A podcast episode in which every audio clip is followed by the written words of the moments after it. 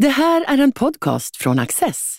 Du hittar fler av våra program på access.se och på Youtube. Mycket nöje!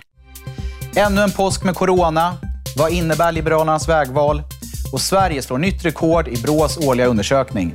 Det här är veckans ämnen i panelen. Katarina Keikinen, du är redaktör på Smedjan. Torbjörn Elensky, du är författare. Och Torbjörn Hollö, du är LO-ekonom. Varmt välkomna alla tre, säger jag till er. Tack. Tack, Tack så mycket. Snart är påsken här, men alla stora firanden måste tyvärr ställas in även detta år. Det stod klart efter regeringens presskonferens igår, onsdag, då statsminister Stefan Löfven meddelade att samtliga restriktioner förlängs till i början av maj, minst. Läget kommer att bli bättre i takt med att fler vaccineras, men dit är det flera månader kvar. Det sa Folkhälsomyndighetens GD Johan Carlsson, som också var med på presskonferensen. Katarina Karkinen, gör regeringen rätt som förlänger restriktionerna? Ja, det beror väl lite på. Eh, jag tycker att det, är väntat att restriktionerna förlängs och det är rimligt också om man betraktar Eh, hur man har agerat under det här året, sedan januari. Eh, så utifrån den utgångspunkten är det, eh, är det helt rimligt. Om man istället tar som utgångspunkt pandemihanteringen så som den har varit nu under ett helt år, så tycker jag att det blir svårare att förstå varför man agerar som man gör och vad man har för bevekelsegrunder för olika beslut. Och det är lite det här som jag tycker är problemet fortfarande. Naturligtvis så liksom pandemin inte är över och alla har liksom, eh, är fortsatt skyldiga att ta ansvar eh, och inte utsätta sig själv eller andra för onödiga risker och göra liksom, ja, egna riskbedömningar och, och utgå från dem. Men jag har också viss förståelse för, inte om man inte gör det så att säga, men eh, att eh, människor börjar tröttna på en hel del av pandemipolitiken. Därför att den har inte varit stringent och logisk och eh, välförklarad alla gånger. Och då är det svårare att eh, känna att man har liksom, eh, engagemang att helt följa den. Ehm, och ur det perspektivet måste jag särskilt lyfta upp, vi, vi spelar in och sänder det här under skärtorsdagen och står inför påsken nu.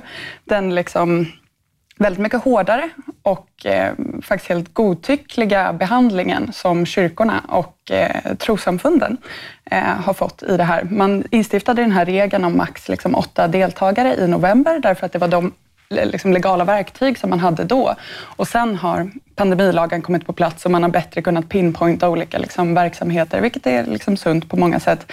Men den här andra regeln ligger kvar och nu är det andra året i rad som kyrkorna inte kan fira påsk som vanligt. Och där tycker jag nog inte riktigt att vi har gjort en klok bedömning i liksom hur man ska väga folkhälsoaspekter och risker vad gäller pandemin mot människors frihet, i det här fallet religionsfriheten som är liksom särskilt skyddad i grundlagen som den enda rättighet som man faktiskt inte får inskränka. Och den diskussionen skulle jag önska att vi hade haft mycket mer i Sverige under året. Hur ska man göra de här avvägningarna? Och att regeringen hade varit mycket mer transparent med hur de gör sina avvägningar.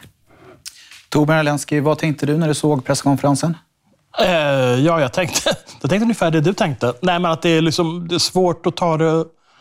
Det är oerhört allvarligt, men samtidigt är det oerhört svårt att ta de här påbuden helt på allvar eftersom det har varit så fram och tillbaka så att säga hela tiden. Och där jag bor då på Söder i Stockholm, där är det helt uppenbart att folk inte bryr sig jättemycket. Alltså det är fortfarande lika trångt och sådär i affärer och på gator och sånt där. Och även om nu krogarna stänger tidigare så hör jag när jag öppnar mitt fönster på kvällen och på natten på helgerna. Det är fest i varenda jäkla hus runt om. Alltså det är något otroligt vad folk har börjat festa hemma.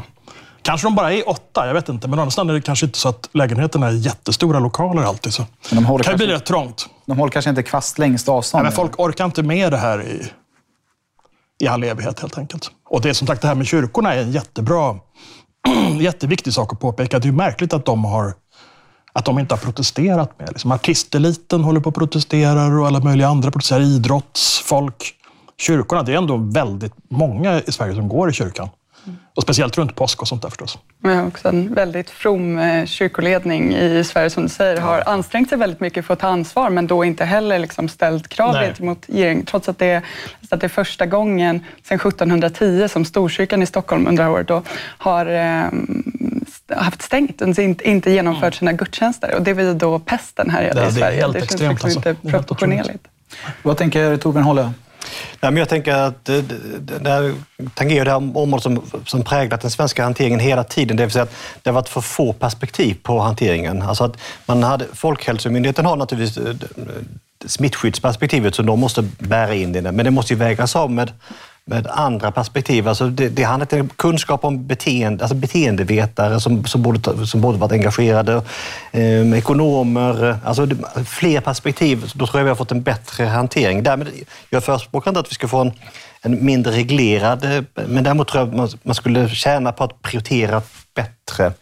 Och en annan reflektion som jag gör det är väl att det som jag tror folk behöver nu det är någon typ av hopp. Eh, och I flera länder så har man, har man ju nu liksom eh, tydliga avvecklingsplaner. Och det tror jag skulle vara klokt även för Sverige. Alltså att, att vi liksom peka ut liksom lite, lite punkter där vi eh, steg för steg kan avveckla de här, de här. För jag tror att ett problem är ju att Anders Tegnell sänder hela tiden signalen, och flera med honom, att detta, detta är något vi kommer få leva med väldigt länge. Jag tror att han har fel i sak. Jag tror att eh, för, Sver- för svensk del så kommer detta om ett par månader se mycket, mycket bättre ut.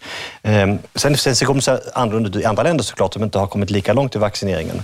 Men, men men istället för att sända en signal om att hålla ut någon månad till, snart är vi igenom detta, så sända en signal, nej det här får vi leva med jättelänge. Och då tror jag det händer det som, som du beskriver, att folk börjar liksom slappna av och börjar anordna egna fester, för man pallar liksom inte. Ja, och det går ju inte heller att låta bli att träffa äldre familjemedlemmar i all evighet. Man liksom avväga helt krasst hur lång tid de har på sig överhuvudtaget mot det här, liksom, den eventuella risken. Det om man sitter utomhus eller sitter på långt avstånd och så vidare. Och sånt där. Jag håller verkligen med om din poäng det här med att det, inte, det behöver inte nödvändigtvis vara så att man vill ha en annan liksom, övergripande linje. Men jag tror att man kan stå på liksom, olika sidor i det här och ändå tycka att vi skulle behöva ett mer enhetligt system och ett mer liksom, välmotiverat för den här pandemihanteringen. Och sen verkligen eh, det som du säger sist där, eh, att man skulle behöva något slags eh, ljus i tunneln och nu finns ju det dessutom. Och man ser ju hur liksom, andra länder i Storbritannien och Danmark, det finns liksom saker som är värda att kritisera med deras modeller också, men eh, åtminstone säger att när alla över 50 är vaccinerade så kommer vi börja öppna upp samhället på ett eller annat sätt. Medan när Stefan Löfven får den här frågan så finns det liksom ingenting att gå på. Det finns inga parametrar ens att gå på. Eller, vi kan inte ge ett datum. Nej, men det är inte en datumangivelse någon är ute efter. Men vad tittar ni på? Är det R-talet, antal vaccinerade? När kan vi förvänta oss? Nu är det ju över en och en halv miljon vaccinationer som har genomförts i Sverige. Kan man inte säga då att håll ut bara tills alla över 60 och i riskgrupper är, är vaccinerade, för då kommer det bli bättre. Då tror jag att människor hade varit mer benägna att vara följsamma också. Varför tror ni att regeringen är så ovillig att eh, sätta upp sådana här parametrar? Om det nu har skett i Danmark och Storbritannien och andra länder. Är man inte rädd för bakslag? Säger man fel så kan det slå tillbaka rejält. Alltså. Det kan ju vara så. Det var ju lugnt förra sommaren, eller hur? Det kan bli lugnt nu också i sommar, från maj och framåt. Och Sen kanske det kommer ytterligare en våg med en mutation efter sommaren. Om man då har lovat att nu är det klart, då får man ju eh, bära ett enormt ansvar. Det kan slå tillbaka fruktansvärt hårt. Så jag tror man är nervös för det. Men jag tänker också att det handlar väl också om att vi har den här ordningen där Folkhälsomyndigheten i princip har tagit över en av de, liksom, de avvägningsfrågor som egentligen ett regeringskansli ska göra. Så att jag tror det finns också, det är också frågan vem, vem är det som ska lämna de här beskeden? Är det regeringskansliet eller är det Folkhälsomyndigheten? Så att det, jag tror att den dimensionen finns också. Att man, man vill ju gärna skjuta, skjuta liksom experterna framför sig, eller, åtminstone- alltså, eller myndighetsexperterna framför sig. Och även i den Slutord, Katarina. Förlåt. Även i den frågan om återöppning så är det ju precis den hänvisningen man gör. Vi får prata med Folkhälsomyndigheten. Ja, men säg då, eh, det här är målet. Precis som man sa i, i våras när man hade en annan strategi. Vårt mål är att så långt som möjligt hålla samhället öppet och det är målet att vi så snabbt som möjligt ska komma dit också. Och så får ni hemskt gärna ta fram några parametrar för när ni, ni, ni skulle säga utifrån liksom de här aspekterna att det är rimligt och så tar man in det i sin egen bedömning. Men på statsministern så låter det ju som att den dialogen har inte ens inletts än och det är ju, ja, det blir lite tufft som liksom företagare, enskilda medborgare att agera utifrån den bristande informationen. Ja, det får runda av veckans första ämne, för nu ska vi prata om Liberalerna. I helgen stod det klart att Liberalernas partiledare Nyamko Sabuni vunnit en viktig seger då hennes linje om att verka för en borgerlig regering vann stöd på partirådet. Många liberaler är dock djupt missnöjda med resultatet och får stöd av statsminister Stefan Löfven. I en uppmärksammad intervju med Dagens Nyheter menar han till och med att Sabuni riskerar att bidra till att föra Sverige i en icke-demokratisk riktning eftersom beslutet öppnar för samarbete med Sverigedemokraterna. Torbjörn Elensky, gjorde Liberalerna rätt vägval i söndags? Ja, de gjorde det enda vägval de kan göra. Eh, de är ju redan, så, ligger redan oerhört lågt i, i eh, opinionen, så de måste ju göra någonting åt det. De kan inte bara haka på Socialdemokraterna och Centern. Sen är det också så att jag menar, de, de, det har varit väldiga överreaktioner. De har sagt att de kan prata med alla partier, så vet jag vet. Men i en del artiklar har det skrivits om det som att de satt sig i regering redan med Sverigedemokraterna. Det har de ju inte. Att tro att man kan ignorera ett parti som har runt 20 procent, vad de får i valet vet vi ju inte än. Um, att man kan ignorera dem, deras frågor, deras väljare och att det på något sätt ska lösa problemet, det är ju helt orimligt. Det är också naturligtvis orimligt i längden för Liberalerna, som ju trots allt är ett borgerligt parti, att så att säga passivt eller aktivt bidra till att vi har evig socialdemokratisk regering. Vilket skulle vara alternativet. Då. Uh, så jag vet inte, jag kan inte förstå att de skulle kunnat göra någonting annat. Man måste kunna, det är liberalt skulle jag säga, att kunna prata med alla. Det innebär inte att man accepterar allas ståndpunkter eller lösningar eller analyser, men man måste kunna prata med alla, diskutera med alla och på något sätt tro att det bästa argumentet vinner. Det är väl om något klassisk liberalism. Och jag kan inte förstå att det här totala blockerandet skulle vara mer liberalt än det. Katarina, vad tänker du? Nej, men jag tänker också att ett eh, vägval var helt nödvändigt. Det här partiet har ju som under väldigt lång tid nu, eh, och jag vet inte om det är det mest naturliga att gå tillbaka till liksom, eh, Liberalerna och de frisinnade, eller om det räcker att liksom, tänka på Lars Leijonborg och liksom valet 2002, men man har ju haft som de här två falangerna som har varit ganska svåra att eh, eh, att föra samman, men vid någon punkt så måste man ju säga att men nu korsar vi Rubicon och liksom bestämmer oss och de som inte vill vara med efter det eh, får liksom hitta andra eh, vägar för sitt engagemang i värsta fall, om det är så pass ödesdigert som vissa har uttryckt det som.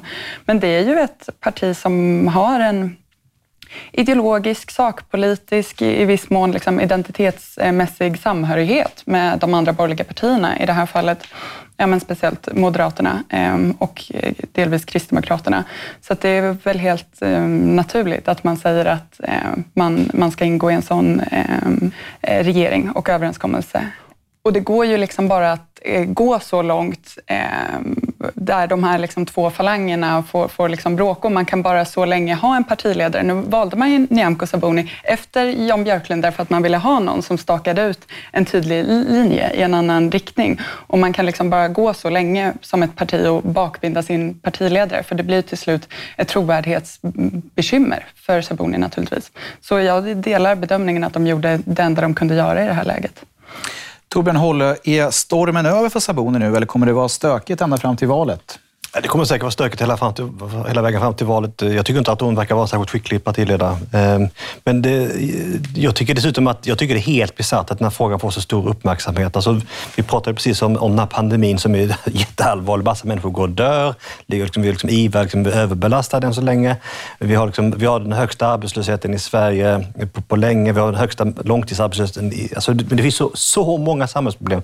Och som så allt syre för diskussionen tas upp av diskussion om hur ett litet liberalt parti, som kanske inte ens kommer in med i riksdagen nästa, efter nästa mandat, i nästa mandatperiod, ska förhålla sig eventuellt till SD. Det, det, det, det är faktiskt det är helt absurt att, att, att det ägnar så mycket tid åt detta. Fast det är också helt följdriktigt, för att det är en sån enkel fråga för folk som är svartvit. Där de verkligen kan säga, okej, okay, här är det här onda partiet.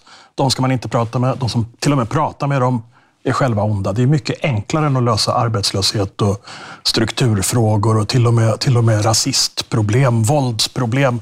Allt sånt. Det är en jätteskön symbolfråga som alla kan skriva krönikor om bakbundna i sömnen. Liksom. Absolut. Men, men, alltså, men, men, man har ju ett ansvar också. Alltså, dels har liksom de andra partierna ett ansvar. Som, alltså, politiska journalister, alla måste ju ha ett ansvar för att, att ge detta rimliga proportioner. Liksom, det är inte särskilt intressant vad, vad, Folkpartiet ska göra om, eventuellt om två år tillsammans med Sverigedemokraterna. Det, det, är faktiskt inte särskilt intressant. Däremot finns det jättestora eh, utmaningar som, som borde diskuteras mycket mer än vad det görs här och nu. Men här har ju många andra också ansträngt sig väldigt mycket för att just göra det intressant. Och där tänker jag inte minst på liksom socialdemokratin och statsminister Stefan Löfven som ju låter den här frågan eh, liksom få väldigt mycket Absolut. engagemang och dessutom använder väldigt stora ord för att beskriva det här helt rimliga vägvalet. Jag tänker också apropå det ni säger att ja, men det, det kanske till och med är ett parti som inte finns kvar i, i riksdagen efter nästa val, men just av det skälet att man ligger så dåligt till är ju det här också ett helt nödvändigt vägval. Man får verkligen hoppas att den här liksom förlorande sidan nu eh, liksom ger sitt stöd till Sabuni och inte som man säger blåser upp, eller liksom som man har varnat för, blåser upp till strid inför liksom stämman i, i höst. För det vore ju, eh, hade ju varit jobbigt eh, för partiet. Men det är ju där man har eh, möjliga väljare att hämta. Och det man ser i väljarundersökningen också, de som är mest säkra på sina röster eh, på Liberalerna är också mest säkra på att man vill att de ska ingå i en borgerlig regering. Och det finns fortfarande stödröster att hämta hos Moderaterna. Jag tror att det var i den senaste undersökningen från Demoskop som vi lät eh, göra från Timbros sida ja, fyra av tio eller något sånt där moderatväljare som skulle kunna tänka sig att ge en stödröst till Liberalerna om man tydligt aviserar att man kommer ingå i en sån regering. Och likadant hos Centerpartiet finns det vissa mer allmänborgerliga eh, väljare att hämta. Så det är också ett helt liksom, rimligt strategiskt val utifrån att det just blir ganska svårt nästa riksdagsval. Eh, om vi går tillbaka till den här intervjun med Dagens Nyheter som Stefan Löfven gjorde så är det ju ganska allvarliga ord han använder. Alltså just att, att Sabuni skulle riskera att bidra till en, en icke, att föra Sverige i en icke-demokratisk riktning och så vidare. Hur ska man tolka de här uttalandena från statsministern? Alltså det är ju bara försök att skrämmas. Återigen, att, att samtala med någon, i princip vilket parti eller vilken grupp det än är, är inte samma sak som att sätta sig i regering med dem, till att börja med. Det finns ju ingen chans att, vad jag läste någon, det finns ingen chans att SD kommer få igenom abortförbud eller repatriering av folk eller någonting sånt där som folk hotar med. De kommer inte få kontroll över skolan eller över kulturen. Jag är fullkomligt övertygad om det. Alla är alldeles för tvärsäkra på att det vore farligt att de fick det. En borgerlig minoritetsregering skulle vara tvungna att tala med dem i vissa frågor, men skulle ju också kunna förhandla med Socialdemokraterna om vissa saker. Jag menar, det finns ju trots allt eh, viss samsyn mellan moderater och socialdemokrater egentligen kring migration numera, tror jag. Till exempel. De skulle inte behöva ha med Socialdemokraterna, eller vad säger jag, Sverigedemokraterna i en sån diskussion. Så att det, är liksom, det, det, det är väldigt uppblåst. Det är ren skrämseltaktik och det kan definitivt, kommer skulle jag till och med tro, slå tillbaka. För det är så oerhört lätt att driva med den där typen av eh, extrema yttranden. Liksom. Du tänker att man ropar vargen kommer och så kommer inte vargen? Ja. Jag, jag är väldigt enkel. Alltså, om, man, om man nu om man nu tror, jag tror, att, jag tror att det finns många som tror att, att Sverigedemokraterna kan liksom, på ett allvarligt sätt skada svensk demokrati. Eh, på, på ja, säkert, säkert finns det de som tror det. Ja. Absolut. Men om man nu tror det, då, då, då tycker jag att alltså, då, då, är det mest rationella, då skulle det mest vara rationellt vara att de etablerade partierna försöker lösa ut de problem som ger Sverigedemokraterna näring. Migrationspolitiken är naturligtvis en, en sådan fråga, men det finns även andra frågor. Jag tror pensioner till exempel, ett sånt exempel också. Eh, så att, men det, menar, men om man, om man när den uppfattningen så, så, tror jag att man, att man väljer fel metod helt enkelt eh, för, att, för att pressa tillbaka Sverigedemokraterna. Eh, vi har ju trots allt ett ett facit någonstans i Danmark. Ja. Alltså, Dan, alltså danska motsvarigheten till Sverigedemokraterna liksom sjönk ihop som en, som en soufflé när de etablerade partierna hanterade de frågorna som, som gav dem näring. Jag, jag tror det, det, är, det, är, det är den bästa lösningen jag håller med och det är ju ett eh, ja, men närmast löjligt men faktiskt också lite liksom beklämmande uttalande från statsministern. Det, det tycker jag är genuint. Och, och, som du är inne på Torbjörn, det finns ju jag tycker att man också måste tolka det här som ett strategiskt uttalande av någon som är pressad av en reell eh, liksom annan politisk rörelse som lyfter upp just de problem som man varit oförmögen att lösa själv. Och det handlar ju till stor del om de samarbetspartier som man själv valt inom socialdemokratin, eller behövt välja, i form av Miljöpartiet och Vänsterpartiet.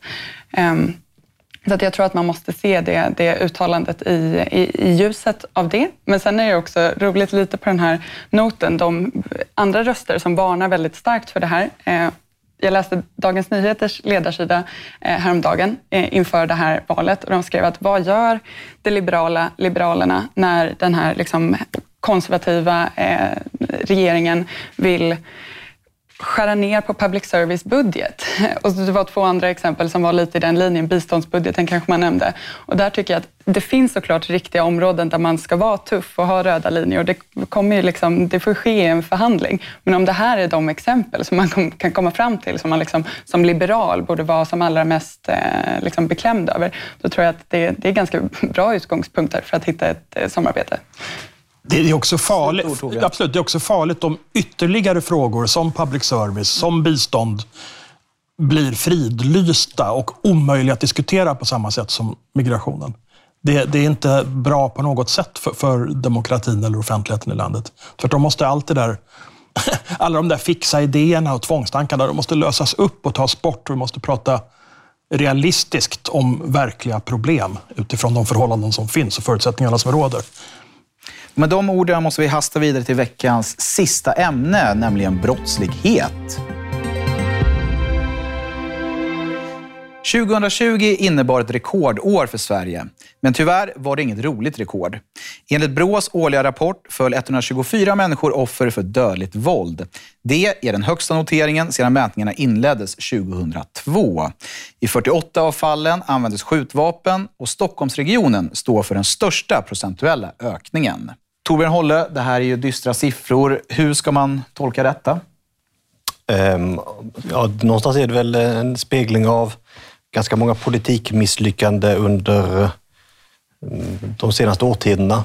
Och det handlar naturligtvis dels om en väldigt liberal migrationspolitik där vi inte haft kontroll på vilka människor som är här. Dels eh, en, en, ett väldigt starkt motstånd för, för att ge polisen verktyg. Alltså det är inte så länge sedan som det var en stor diskussion i Sverige om, om att eh, där man, där man inte ville ge eh, polis och myndigheter eh, bättre övervakningsmöjligheter. Och det handlar också om, om ett liksom misslyckande när det gäller liksom ökade sociala klyftor. Så att det, liksom, det, det är liksom en draksådd av alla de här tre sakerna. Och, eh, ja, för mig så är det, det genomsyrande är att det är någon typ av flummig liberal politik som ligger bakom många av de här politikmisslyckandena. Och, eh, jag tror att nu har man fått ett litet andrum med de här franska data. Man har helt enkelt låst in de, de värsta. Men, eh, men mycket av draksåren finns ju kvar i form av ekonomiska, eller form av ekonomiska sociala klyftor.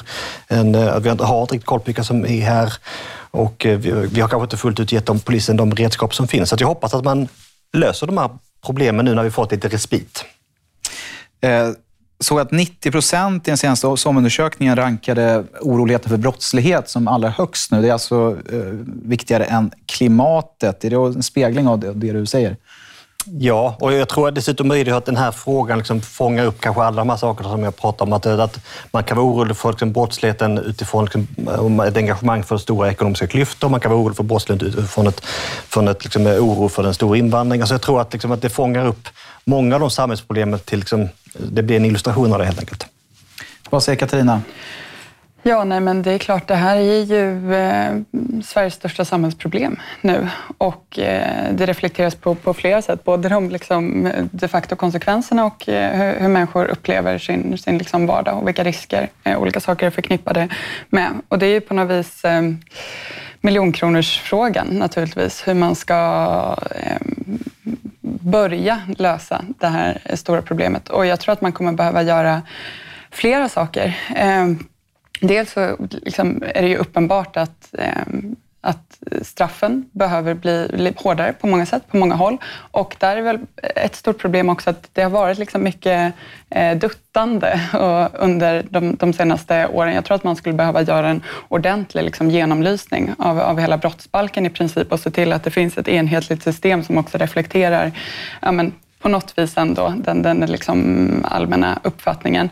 Men det är klart att och det behövs ju av, av, flera skäl. Dels av ren liksom, inkapacitering och också naturligtvis att det eh, ändrar kalkylen för eh, hur pass hur benägen man är för olika typer av brottslighet. Men det är klart att oavsett hur långa straffen är, om liksom upptäcktsrisken eh, är väldigt låg, vilket den ju är i Sverige idag, så spelar det ingen roll om du har livstidsstraff, om du väger det mot en 10-procentig chans att liksom åka fast för olika typer av brottslighet, så tror jag att den kalkylen tyvärr ser liksom för, för dålig ut ändå. Och där är det som man säger, man, jag tror absolut att det går inte att bortse ifrån att vi har liksom låg tätheten då i Sverige jämfört med andra europeiska länder. Där tror jag att man skulle behöva göra mycket. Men också som Torbjörn är inne på, andra typer av verktyg för polisen tror jag kommer bli helt, helt eh, nödvändigt. Och vi behöver nog titta på absolut bättre vittnesskydd, men kanske också sådana saker som kronvittnen. Det är ju svåra diskussioner där liksom rättssäkerhet väger mot de här andra målen som vi har. Men det är ju eh, helt uppenbart att rätt mycket kommer göras och att det idag saknas en politisk viljeriktning med liksom sammanhållna partier som är på väg åt samma håll, men också politisk prioritering, att man väljer eh, i liksom kronor och ören att eh, satsa mer på det här än på andra saker. Eh, och det tycker jag saknas nu. Torbjörn Elensky, eh, synen på brottslighet och hur man ska hantera den, eh, är det också en fråga som riskerar att liksom delas in i så att säga, olika block, där du har liksom ett, ett högerblock som ser tuffare ja. tag, medan ett, ett vänsterblock som då ja, inte vill se det, så att säga? Eller? Så, ja, så är det ju redan. Vi har ju ett antal besynnerliga kriminologer i landet som in i det sista förnekat att det finns någon ökning av våldsbrott eller av dödligt våld och så vidare. Det är ju ett problem. Vad är det för mystisk fakultet som tar fram sådana forskare som uppenbarligen inte har kontakt med verkligheten och inte heller med folks rättskänsla. Men sen är det naturligtvis så att det, det, det, är väldigt, som ni båda säger, det är ett väldigt sammansatt problem. Migration spelar in. Det är väldigt många, jag vet inte hur stora siffrorna är, men det handlar väl om, om fem eller sexsiffriga belopp personer som man inte överhuvudtaget vet vilka de är som troligen uppehåller sig i landet. De här lever, de hyr kanske plats på en soffa hemma i en familj. En barnfamilj där barnen går i skolan. Jag kände redan för 20 år sedan folk i Skärholmen som hyrde ut soffplatser till folk som var i Sverige. Och det har inte blivit mindre eftersom det har kommit över en miljon sedan dess ytterligare. Liksom. Naturligtvis de flesta laglydiga och fina och så vidare. Och allting.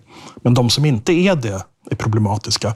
Och det sociala tryck som blir när man proppar in folk i lägenheter.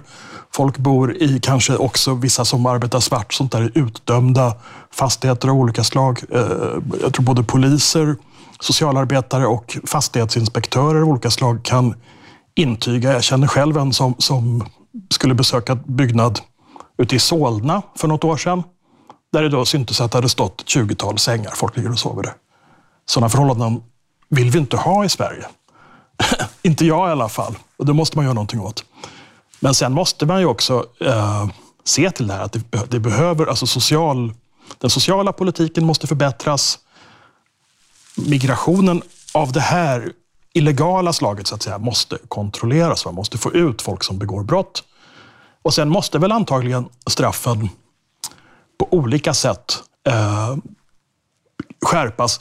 Fast jag skulle säga att när det gäller straff så är det ändå viktigt också att vara pragmatisk. För det är inte alltid självklart att ett hårt straff, exempelvis mot en ung förövare, är det som funkar bäst. Det är känt från amerikanska filmer om man så vill, att det är i fängelser folk lär sig att bli brottslingar på riktigt. Och det pågår liksom även eh, religiös, politisk radikalisering av olika slag i de miljöerna. Jag vet inte hur stort det här är i Sverige. Eh, en kriminolog förnekade för några år sedan för mig att det här pågick överhuvudtaget, men det tror jag naturligtvis inte på. Ehm, det är många aspekter som måste... Straffen måste vara kännbara. De måste också göra så att den allmänna så att säga, rättskänslan på något sätt bemöts. Om folk begår väldigt grova brott och sen får bara några år i fängelse eller villkorliga straff, eller de begår brott och så släpps de ut, begår nya brott. Alltså det, det är ju inte rimligt på något sätt. Liksom. Uh, men som sagt, någonting som det viktigaste är att det fungerar. Inte nödvändigtvis att straffen är väldigt, väldigt hårda, utan att de fungerar och ser till så att folk slutar att vara kriminella helt enkelt. Det där är intressant. Eh, du, du är inne på det här att, att, hur... Sverige har ju en tendens att, att eh, vara en, en, eh, ett ganska extremt land. Vi har ju en självbild av att vara landet lagom, men om man tittar så är vi egentligen ganska extrema. Ser ni en risk för att pendeln kan tippa för långt? Om vi nu har haft en utveckling som är lite alldeles för, för liberal, då, om man ska använda ett sånt ord, att vi kommer få en alldeles för eh, reaktionär motreaktion? Eller är det liksom en, en diskussion som får tas senare i så fall? Jag tror du har rätt i din analys, att, det, att Sverige liksom, eh, pendeln slår alltid åt väldigt starkt. Och jag, jag, det, det, det, du lyfter tror jag också, alltså jag är ju för hårda straff och jag tror att, man, att även yngre personer kanske behöver liksom sitta inne längre. Men, men, men det, måste vara mycket, det måste vara träffsäkert. Det, Ja, måste, det, måste, vara de, det måste vara de grupperna som, är, som inte är liksom rehabiliterbara utan bara måste lyftas ifrån. För jag tror också det är precis så att det kan, det kan slå helt fel. Så att vi plötsligt börjar låsa in personer som, som, som blir yrkeskriminella i fängelset. Så det är klart att det, men känner, vi, känner jag Sverige rätt så, så, så, vi, vi, är, som säger, vi, vi har väldigt svårt att landa i, i, i en mittposition utan vi tenderar att, att slå. Jag, jag, tror att, jag tror att man måste tänka sig att det är väldigt viktigt med alla människors lika värde och respekt för individer och så vidare. Jag tror att för vissa typer av kriminella så uttrycker man faktiskt respekt för dem genom att ge dem hårda straff, hur konstigt det än kan låta. Det, och, ge folk, och, ge, men, och, och ge sig att det, ja, det är fångvård och vi ska ge terapi och vi ska hålla på och kramas lite och sen så ska du... Det funkar inte, utan en del måste man nog faktiskt säga, tänka att ah, nej, du ska sitta här och jobba. Slutord, Katarina. Nej, men ja, det, det är klart att det finns en, en sån risk. Och eh, när Sverige svänger så svänger hela Sverige och det går i regel fort. Men nu är vi fortfarande ganska långt åt, åt andra hållet, så jag tycker inte att man ska ta ut för, för mycket av liksom bromsen i förväg heller. Och det är klart att vi absolut behöver vara pragmatiska i hur det här utformas. Och kanske framförallt när man tänker på liksom formerna för, för straff eh, och hur man kan få in rehabilitering i det eh, på olika sätt. Men jag tycker också att det som är liksom mest uppenbart och frapperande idag när man talar om med människor som jobbar i olika delar av rättskedjan är att det i, många fall för ganska grov brottslighet är eh, väldigt korta straff som gör att människor överhuvudtaget inte behöver ta dem i beaktande när man gör någon slags liksom riskkalkyl. Och det är ett problem som måste åtgärdas. Och med de orden är veckans avsnitt av panelen slut. Jag vill önska er alla en glad påsk och tack för att ni har tittat. Du har just lyssnat på en podcast från Access. Du vet väl att vi också är en tv-kanal och tidning? Teckna en prenumeration idag på access.se.